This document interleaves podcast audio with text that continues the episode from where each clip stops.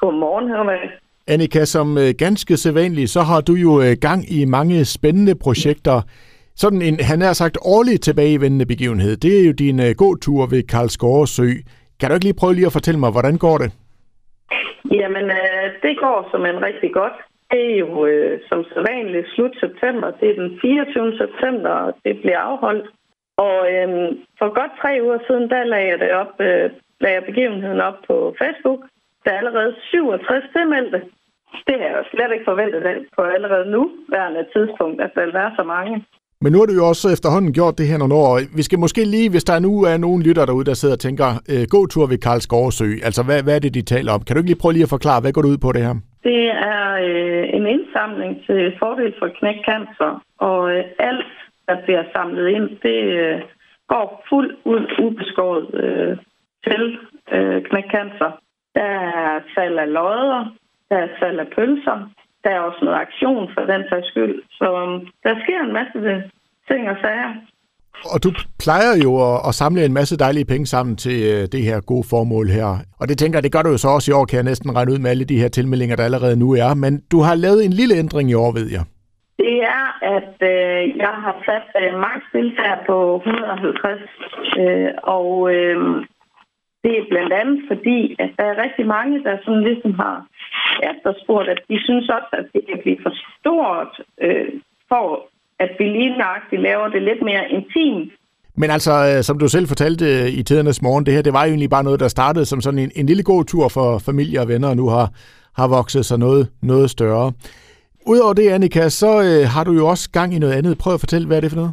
Jo, jeg har meldt mig til øh, at blive navigator ved kraftens bekæmpelse i Esbjerg.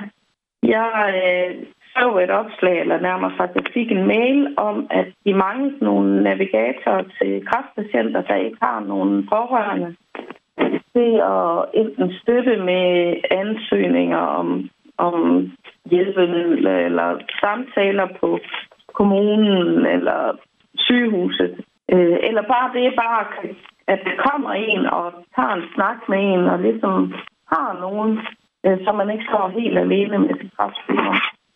Og det er noget, du sådan lige netop er, er sprunget ud i. Hvad, hvad er sådan din fornemmelse? Bliver det godt, det her?